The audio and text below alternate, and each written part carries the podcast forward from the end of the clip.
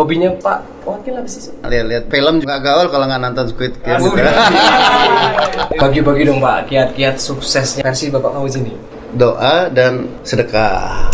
Nah, saya senang dengan anak-anak muda yang punya karya, bisa beradaptasi dengan situasi dan kondisi. Itu orang yang paling hebat menurut saya. Pernah denger nggak sih Pak salah satu lagu dari Fitulas? Pak? Paling saya bilang sih. Nah, kan? Ciro lupa. Yer. Oke, selamat malam sahabat Fitulas. Kita kembali lagi di Ini Fitulas dan hari ini Ini Fitulas spesial banget. Spesialnya, spesialnya kayak banget. Apa? Akan gemeteran nih. Lapar soalnya.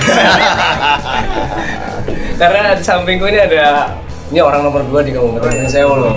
Woi, gila. Ada Pak Wakil Bupati Pak Fauzi. Selamat Iya, datang Pak. makasih. Selamat datang di ini ini apa ya namanya basecamp ya basecampnya kita pak basecampnya ini anak-anak Pringsewu nih pak. Anak Pringsewu yang eh, coba iseng-iseng bikin podcast. Jadi kita ngundang-undang orang-orang yang eh, pokoknya yang punya inilah ya punya cerita-cerita seru yang dan menarik. Dan hari ini kita tersanjung banget pak karena Pak Wakil udah datang ke basecamp kita. Iya. makasih banget ya pak ya. Makasih. boleh kita korek-korek nih pak ya Boleh, boleh. kita bakalan korek-korek tentang kehidupan pribadinya Pak Wakil Pak Wakil nih kabarnya gimana nih nanya tentang kabar dulu Alhamdulillah sehat, Sehat, Pak, ya? sehat. kalau kita lihat nih makin ini Pak ya makin seger nih Alhamdulillah sehat semua. sehat Pak ya Ah, ah. Pak boleh tahu nggak sih Pak kalau Pak Wakil nih sebenarnya aslinya kelahiran mana sih Pak? Waduh, lahir ya. Nggak, Om. soalnya ini banyak yang penasaran nih Pak Wakil ini kelahiran di mana nih asli Prinsewu atau di eh, ini apa di dekat rumahku kan? Lahirnya di rumah sakit. Nah, ini ini jawaban yang Ya. Ya. Iya. Yang paling- Dulu katanya lahirnya di rumah sakit, tepatnya di Kota Palembang. Oh di Palembang. Kalau Palembang itu uang, uang kita galau. Ah, iya betul. Tapi Pak Wakil, kalau kita ngomong Jawa, tahu artinya Pak? Insya Allah, iya. Karena saya di Prinsewu sudah lama. Oh iya. Insya Allah. Dan Wakil ini juga punya beberapa perguruan tinggi Pak ya? Ah, jadi kesibukan saya Hah? kalau sekarang dan dulu ya itu Iya. ada perbedaannya. Ini menarik. Ah, kalau dulu saya punya beberapa perguruan tinggi Ya. ya. Eh sekarang juga sih tetap gitu ya. tetap, Pak, ya? Cuman yang yang ngolah ya, yang Ya, ngolah ya. udah, udah beda Pak ya? Jadi saya diawali dulu saya tamat SMA buka kursus dulu. Oh gitu Pak ya? Tahun 90. 90. Kemudian tahun 91 saya mengembangkan saya ke Pringsewu. Oh. Jadi saya main ke Pringsewu itu ya. Kata kawan saya di Pringsewu itu bagus kata dia kan. Kota pendidikan Ji kata dia Oh, kan. iya. Oke siap saya main ke Pringsewu. Buka kursus saya di Pringsewu tahun 91. Tahun Pak, 91. iya.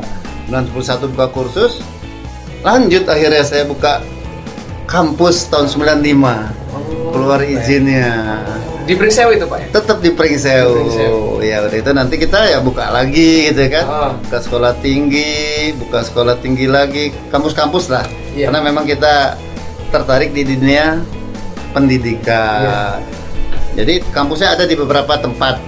Kemudian ya waktu saya jadi PNS juga gitu Oh, kan. gitu. Iya, Jadi jadi PNS. PNS. Tahun 2000 saya jadi PNS ceritanya. Heeh. Dan PNS juga langsung di Tanggamus dulu ya namanya ya. Oh, iya. Nah, Oh, jadi ke Tanggamus dulu. Saya pernah tugas di Kecamatan Sukoharjo, pernah tugas di Kecamatan Adilui. Oh iya. Kemudian pernah saya di Dinas Pendapatan Tanggamus, Dinas Pariwisata. Kemudian baru saya pindah ke Kabupaten Pringsewu saat Pringsewu Mekar. Mekar ya. Iya. Nah, Pringsewu Mekar, saya masuk ke Dinas Keuangan. Nah, di situ saya ngurusin keuangan, kemudian saya pindah ke Dinas Koperasi, ngurusin koperasi-koperasi, baru pindah lagi saya ngurusin dewan, ya. Oh, Bagian dewan. Kemudian berikutnya saya di inspektorat dan terakhir saya di Kepala Dinas Pendapatan Kabupaten Pringsewu. Oh, iya. Setelah itu baru jadi wakil bupati. Nah. gitu. ceritanya ternyata nggak seinstan itu ya, nggak langsung jadi wakil bupati pak ya. Karena memang dulu sebelum bapak menjadi wakil bupati, Ah. sering lihat foto bapak sih di banner-banner gitu. Juga sekolah tinggi gitu pak. sering lihat. Iya, Tapi iya. kalau kampusnya sekarang udah ini pak ya, udah banyak pak ya, nggak cuma di Prinseu kalau nggak salah. Pak. Ya, ada di Pringsewu, ada di Gisting, Oh, Kota Gisting. Agung, Rui, Lampung Barat dan Lampung Timur lah. Uh, Iya. mana-mana ini yang nggak, yang ini pasti banyak yang belum tahu nih. Kalau Pak Wakil dulu sejarahnya dulu kayak mana gitu kan. Ah, ah. Kalau kegiatan Bapak sehari-hari selain di kantor, Pak? Selain di kantor. Ah, ah. Jadi kan kebetulan saya aktif di beberapa organisasi, Oh. ya, di beberapa organisasi. Yang pertama, misalnya saya di keluarga besar putra putri Polri, ya. Oh. Berarti menunjukkan bahwa bapak saya dulu anggota Polri, tapi dulu bapak saya terakhir kopral, gitu ya. Oh iya. Kopral polisi, ya akhirnya ya saya ikut organisasi anak polisi. Ada juga saya ikut orari dengan Mas Aris ya, orari urusan break-break itu ya. Oh iya, iya, iya. Istilahnya seperti itu ya. Kita orari dan ada juga palang merah. Nah, ini urusan darah, urusan nyawa manusia. Nah, itu. Jadi sedekah itu nggak harus pakai uang. Iya. Pakai darah aja malah lebih bagus itu ya. Itu. Oh. Jadi ternyata aktif banget ya Pak di kegiatan sosial Pak ya. iya, kebetulan. Kalau ini Pak, pengen tahu nih, pengen kepo-kepo dikit Pak. Eh, anaknya Bapak itu ada berapa sih? Ah, iya iya. Nah, ini nih. Coba ada yang cewek kan? Anak saya ada tiga. ada tiga Pak ya? Yang pertama perempuan. Nah, ini. Ini yang buka kafe ya. Oh, yang buka kafe. Buka kafe di Bandar Lampung. Yang kedua wanita. Ah. Oh, perempuan sama wanita beda nih Pak. Bukan wanita nih. Ya? Ini kuliah ya, kuliah di Jakarta. Kemudian yang ketiga cewek. Nah, Jadi ada tiga ya. pertama perempuan. Ah. Yang kedua wanita, yang ketiga cewek. Iya. Ini bedanya di mana? Wah, di mana ya beda? ya, itulah ya. Artinya ada tiga saya.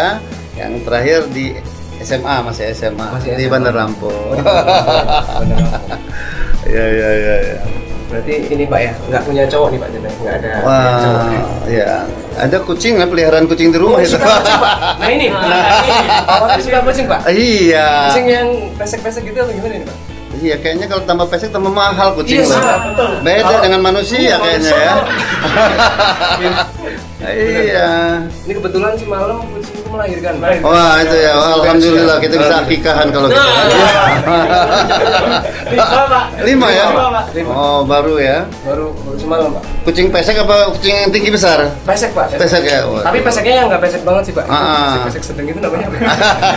Peseknya nggak pesek banget. Gitu ya, iya iya. Kucingnya di iya. rumah banyak Pak? Ya sekitar 14 lah ada itu Oh, kucingnya. 14. Iya. Itu pesek semua Pak?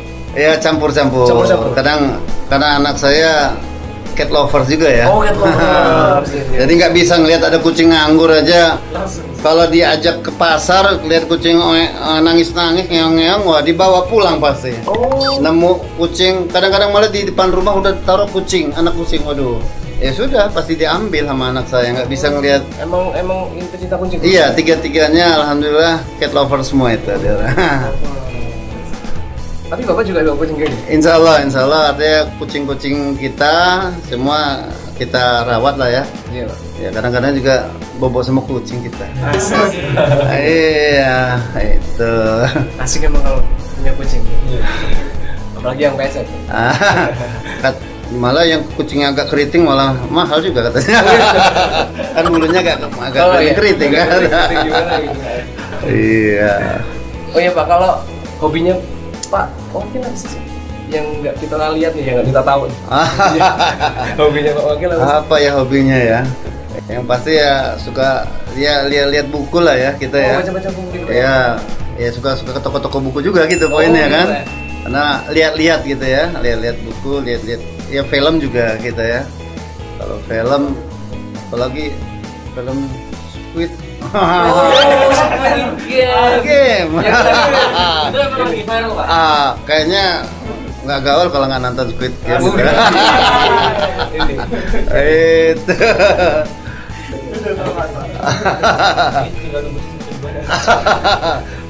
Iya iya iya. Squid Game juga ternyata kan Wakil. Squid Game itu sebenarnya ada ilmunya, itu ada teori ya di dalam teori permainan.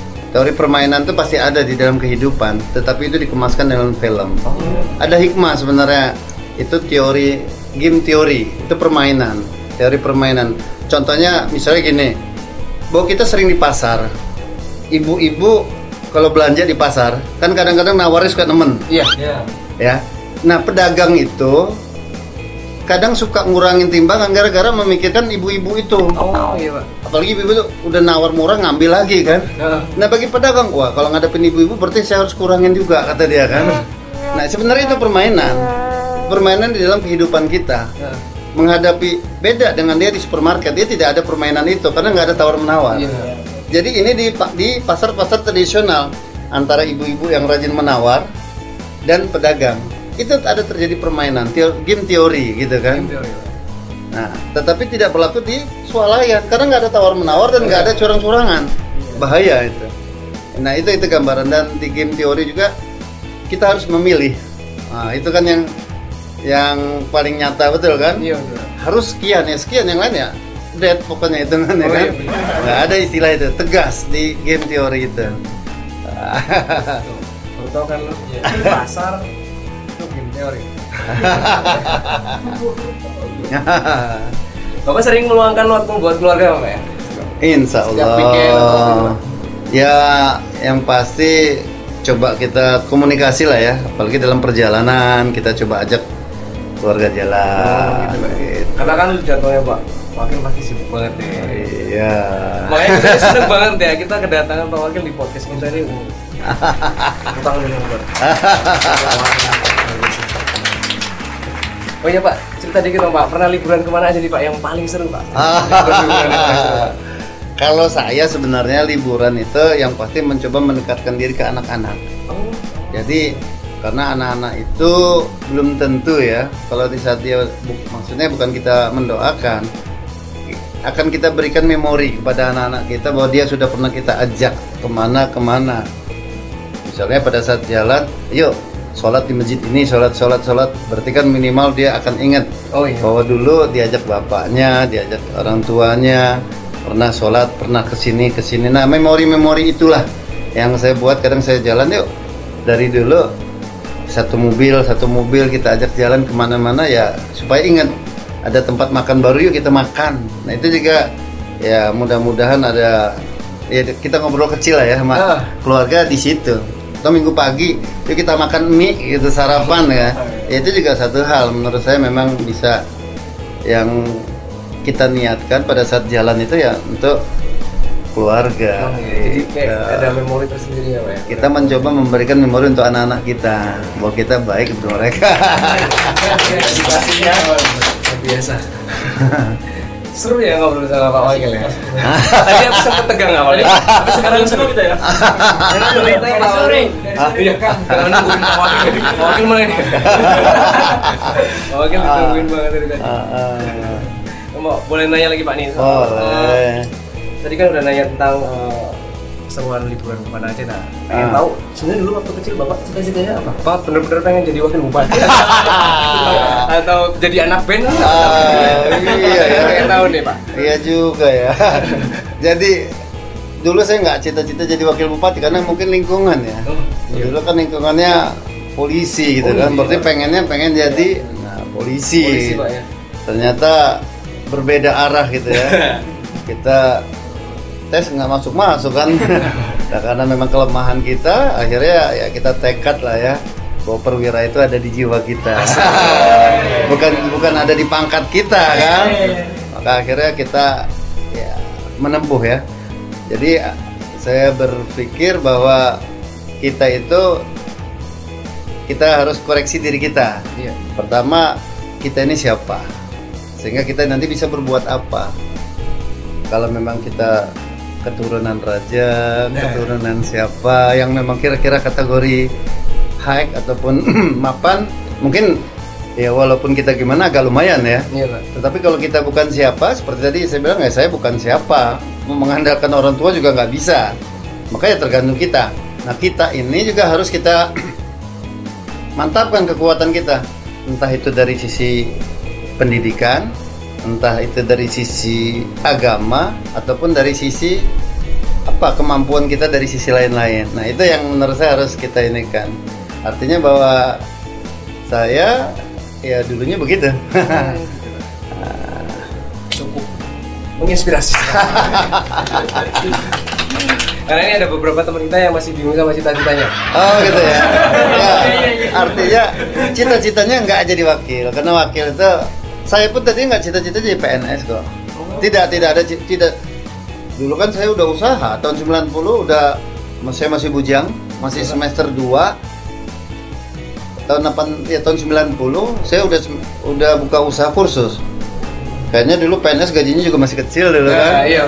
ngapain saya bilang jadi jadi PNS ya duit kita udah cukup lumayan karena saya buka kursus ya alhamdulillah langsung cukup juga cukup bagus jadi dari cita-cita mau jadi polisi dulu nggak jadi kan gitu kan ya maka kuliah akhirnya ya kuliah ya buka kursus dan ya lanjut dari pendidikan saya jadi PNS tahun 2000 2000 pak. ya? Ah, artinya saya pendidikan dulu saya udah punya kampus punya kampus punya kampus baru saya jadi PNS Malah punya kampus duluan pak. ya? punya kampus duluan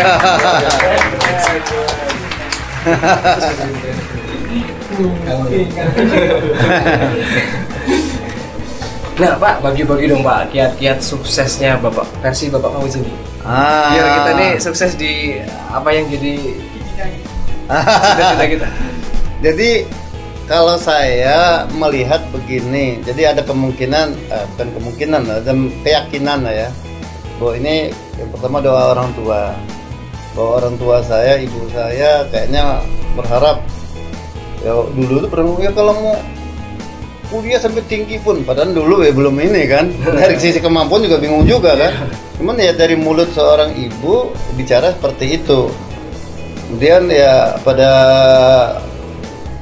ngobrol-ngobrol juga dia bilang bahwa ya saya mikirin anak lah seperti anak saya bisa jadi bupati kata dia. Nah itu dari mulut dia. Kita nggak tahu gitu kan doa-doa orang tua yang baik itu. Dan itulah ya, saya yakin yang bisa menjadikan kita gitu. Dan kita nggak pernah tahu doa dari siapa yang akan diterima. Jadi nggak apa-apa. Pada saat saya belum ini ya banyak yang ya saya pikir kayak ngedoain gitu kan. Oh iya benar. Nah itu itu juga satu hal. Ya ga? silakanlah kita berbuat baik dengan siapa pun. Bukan dengan harapan kita mau itu gitu kan. Hmm. tapi karena mungkin doa tulus ikhlas dia. Jadi waktu itu saya belum jadi bupati juga ya orang mendoakan saya ada mbah-mbah pada ini ya kata dia kan kita doain. Dia mintanya itu gitu kan. Oh, iya. bahwa saya dengan jabatan-jabatan. Bukan saya minta saya pikirkan ya udah silakan lah. Jadi kita nggak pernah tahu doa dari mulut siapa yang akan mampu Dijabah untuk gitu. diijabah untuk kehidupan kita. Yang penting berbuat baik aja gitu kan. Berbuat baik dengan siapa dia berdoa tulus ikhlas untuk kita insya Allah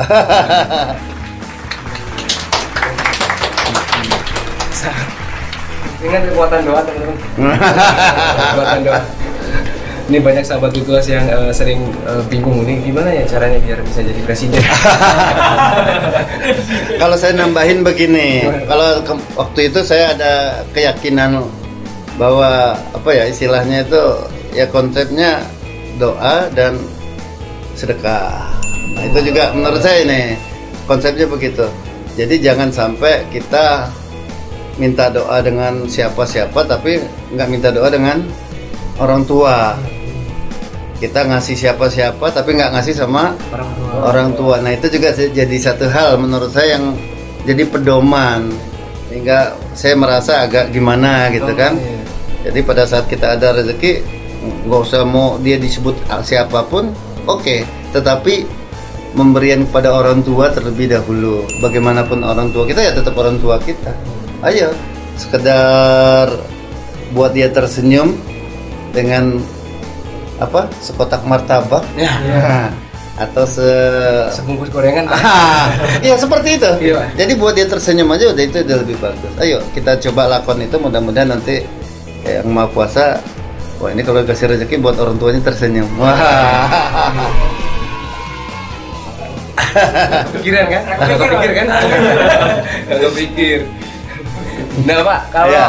tanggapan Bapak nih tentang kita-kita ini yang punya eh, kegiatan di musik ini Pak, ya sebagai anak muda Bringsewu ini gimana Pak?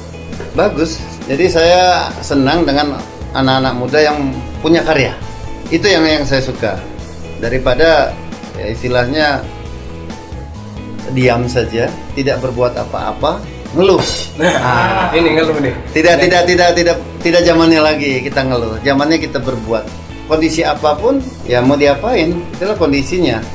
Orang yang hebat adalah orang yang bisa beradaptasi dengan situasi dan kondisi.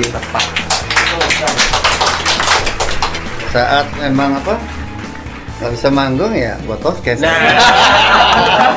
Coba, coba kalau cuma marah-marahin oh pemerintah nah, ngapain coba? Dapat duit enggak? Kita kan istilahnya kan ya malah nanti pikiran jelek kita membuat kita malah nggak berbuat yang baik. Iya, jadi males malah ngapa-ngapain mau nanti ya larinya yang hal nggak bagus. Tapi kalau kita wah ini gimana ya? Ini memang tembok ini kan. Hmm. mau kita benturin kita yang KO kan? Iya, nah itu itu yang perlu diinikan. Wah ini atau malah ini bukan tembok karet kita membal ke kita. Kita tekan tambah Balik. kenceng lagi kita balik. Nah itu. Jadi bisa beradaptasi dengan situasi dan kondisi itu orang yang paling hebat menurut saya. Jadi jangan jangan terpaku dengan coba pada saat terjadi kita punya wartel nggak tahu punya HP banyak. Hancur kan usaha wartel. Iya. emang kita mau marahin pemerintah? Kan nggak bisa. Iya benar. hampir sama dengan kehidupan revolusi ekonomi perputaran ekonomi evolusinya. Misalnya dulu zaman dulu kalau orang kalau dagang itu gimana? Dicukup di rumah aja kan? Iya. Tapi akhirnya berubah. Ada pasar seminggu dua kali. Iya. ya istilahnya. Iya. kemudian timbul toko. Iya. kemudian timbul lagi supermarket. Minimarket dulu. Iya. supermarket. Giant. Kemudian sekarang online. Nah, mau dia mau dimarahin online nya saya sudah bangun gede-gede. Ini buat sepi katanya. Kan Iya. nggak bisa. Situasi ini ya harus kita ikutin. Coba bisa bayangin pada saat ada perusahaan taksi banyak. Kalah dengan Grab misalnya Iya, kan. padahal dia nggak punya mobil. Grab punya mobil nggak? Nggak punya. Cuma mitra-mitranya aja. Kok dulu wah terjadi pemukulan segala macam itu di bandara oleh eh, orang-orang tertentu. Tapi berikutnya nggak bisa dipungkiri lagi. Itu loh sudah zamannya. Jadi zaman apa nih? Ikutin aja jangan kita mau coba mendobrak ini nggak pas gitu nggak bisa jangan-jangan kita yang nggak pas bukan zamannya kita Iya, hidupkannya nggak kan benar benar. Ayo coba, ayo tetap semangat lah dalam menghadapi situasi apa nih kan gitu kan. Apalagi iklim yang sudah bicara. Nah, Pada saat musim hujan kita mau maksakan, waduh nggak bisa. Untuk apa ini? Bahwa ini hujan, nah kita harus berbuat apa dengan kondisi hujan? Jadi kita yang menentukan dan kita harus ya menyesuaikan dengan situasi dan kondisi, Kondisi. baik itu aturan, lingkungan, mungkin yang terdekat mau suku adat itu kita kan harus sesuaikan. iya Pak. Nah, orang yang bagus ya bisa beradaptasi. Harus sering-sering bertangan kalau hari ini. Karena kata-kata Pak Fauzi ini benar-benar sangat. Oh iya. Tapi kemarin waktu saya di Pramuka itu dikasih tahu buat tepuk tangan ini berarti miliaran urat saraf kita sudah bekerja. Wih. Ah, itu tepuk tangan karena pada saat kita udah stroke nggak bisa tepuk tangan lagi kita.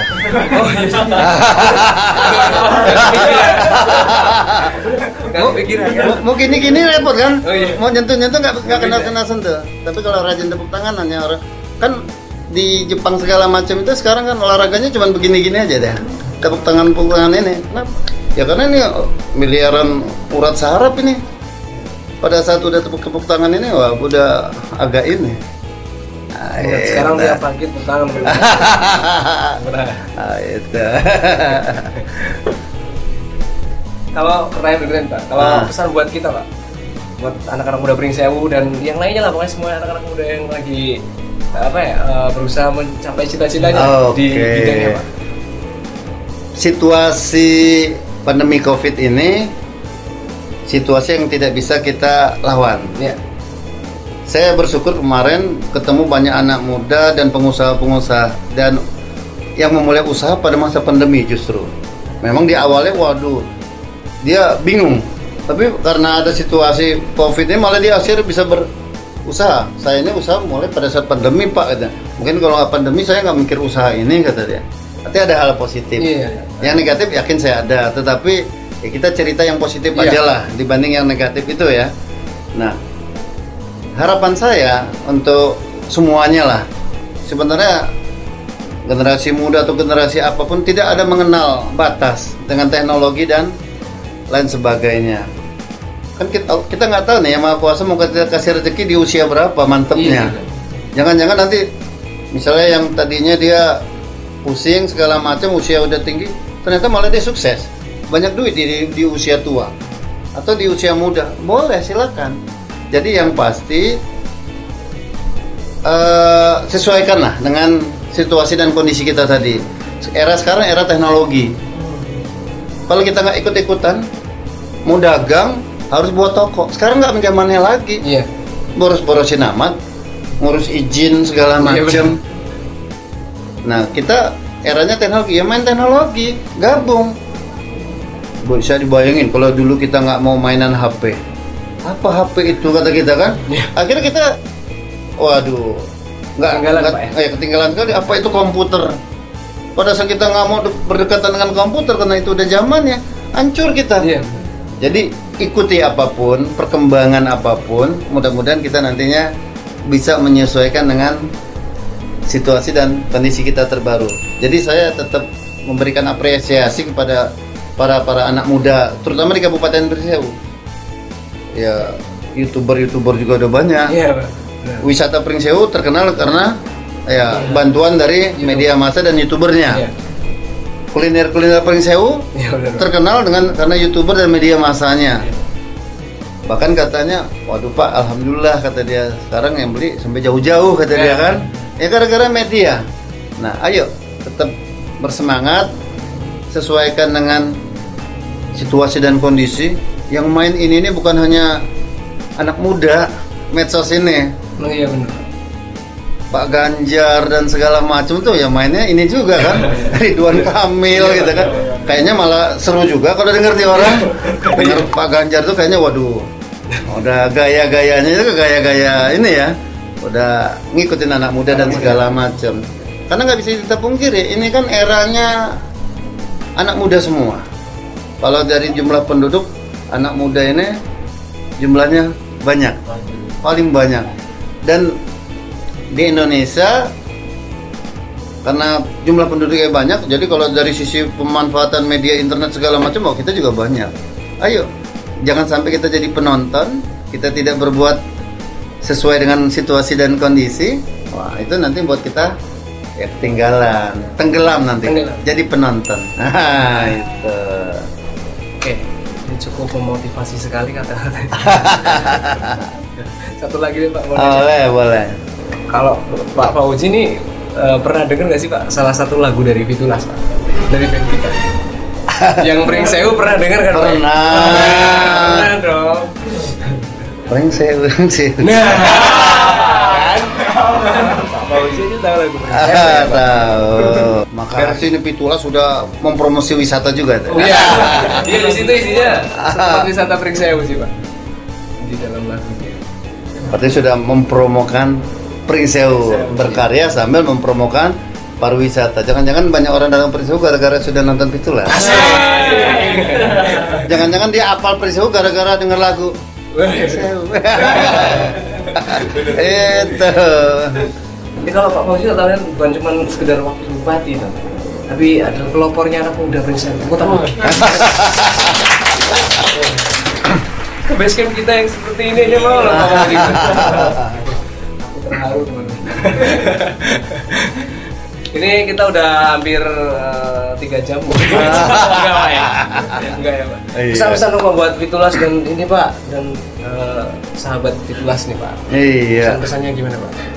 Kepada Pitulas. Band, band. Wah, band ini menurut saya ini sudah start yang baik diawali pada masa pandemi dan nanti non pandemi juga ini harus tetap jalan seperti ini ya. Amin. Tetap karena pada saat kemarin ya mungkin orang Pringsewu sudah paham dengan Pitulas kita berharap Pitulas ini bukan cuma punya Pringsewu ya gitu Iya, iya. jadi penggemarnya nanti Bisa. luar Pringsewu pun banyak itu yang kita harapkan ya Amin amin. sekarang kan nggak harus tender melalui media lebar ya Iya benar pak. media YouTube aja sudah buat wah nantinya mudah-mudahan bisa memberikan semangat bagi kawan-kawan anak-anak muda lainnya yang ada di Kabupaten Pringsewu Amin. bahwa Pitulas ada contoh yang baik contoh, contoh dengan karyanya kemudian dengan pemanfaatan teknologi Nah.